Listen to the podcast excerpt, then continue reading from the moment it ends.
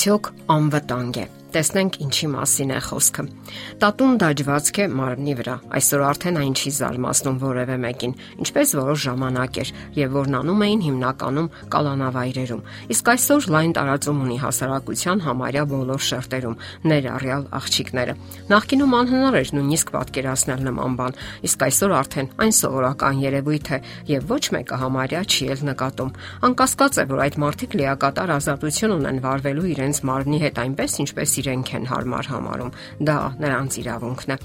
եւ նրանք քայլում են հպարտ ու անկախ տեսքով ցուցադրելով մարմնի վրայի դաջվածքները։ Այդ դաջվածքները գտնվում են մարմնի հնարավոր եւ անհնար մասերում։ Իսկ հաճախ դրանք այնպիսի պատկերներ են, որ նույնիսկ անհնար է հասկանալ։ Երբեմն ծաղիկներ, երբեմն առասպելաբանական պատկերներ կամ տարօրինակ պատկերներ։ Իսկ երբեմն պարզապես անհնար է հասկանալ, թե ինչ են ներկայացնում դրանք իրենցից Սակայն, որ ամենակարևորն է նրանց համար, դա իրենց հպարտ տեսքն է եւ ինքնավստահությունը, որպես թե մենք այսպիսին ենք եւ վերջ. Տատու։ Արդյոք անվտանգ է այն։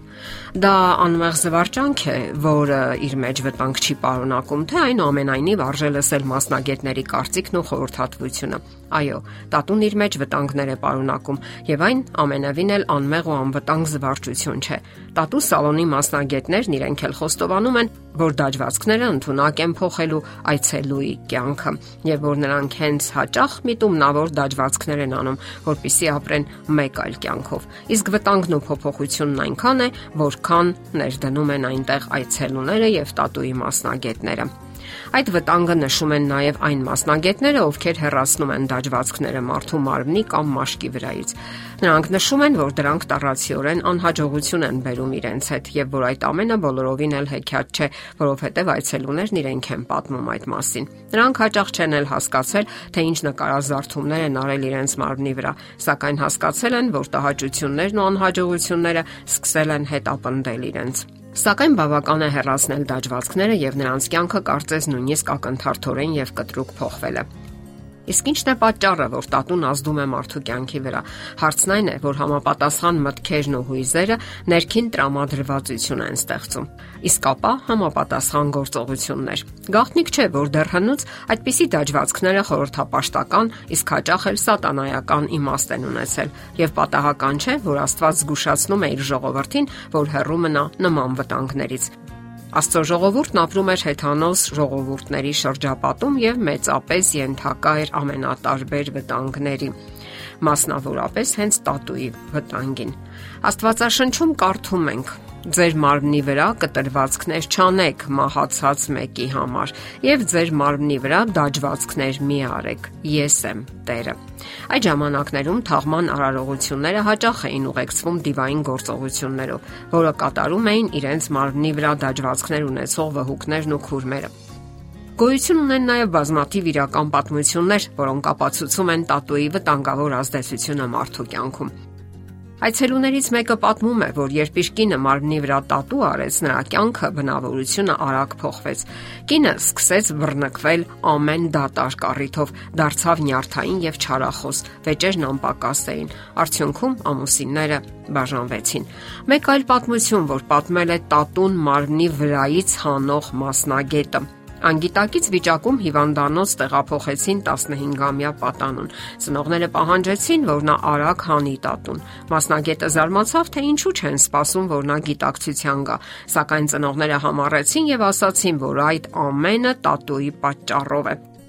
տղայի բնավորությունը սկսել էր փոխվել այն բանից հետո, երբ նա Կիպրոսում ճանապարհորդության ժամանակ մարմնի վրա դաջել էր հետևյալ մակագրությունը.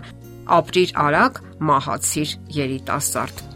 Ահա թե ինչ է տեղի ունենում տղայի հետ։ Ընթամենը 2 ամսվա ընթացքում նա թողնում է դպրոցը, երկու անգամ ընկնում է ոստիկանություն, հասցնում է վարակվել վեներական հիվանդությամբ։ Իսկ հետո վերցնում է հայրական մեքենան եւ սլանալով 120 կիլոմետր արագությամբ մխրճվում է ծառի մեջ։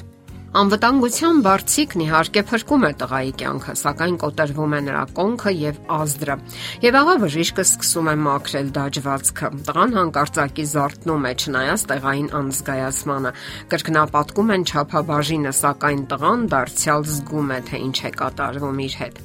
Գործողությանը ներկա վերակենդանացման բաժանմունքի վարիչն ու երեք բուժքույրերը զարմանքով են նայում, թե ինչպես է հնարավոր, որ չկարողանան հեռացնել մակագրությունը։ Նրանք ասում են, կարծես սատանան ինքն է ներկա եւ չի թողնում, որ հեռացնենք մակագրությունը։ Եվ վերջապես հաջողվում է հեռացնել ճակատագրական բարերը։ Տղայի պուլսը 140-ից միանգամից իջնում է բնականon վիճակի, եւ տղան արագ սկսում է ապակինվել։ Ուշադրություն դարձնենք նաև, որ հաճախ մակագրում են չինական հիերոգլիֆներ, Եվ այն էլ այնպիսի տարօրինակ պատկերներով, որ պարզապես անհնար է գուշակել, թե ինչ է նշանակում այդ ամենը։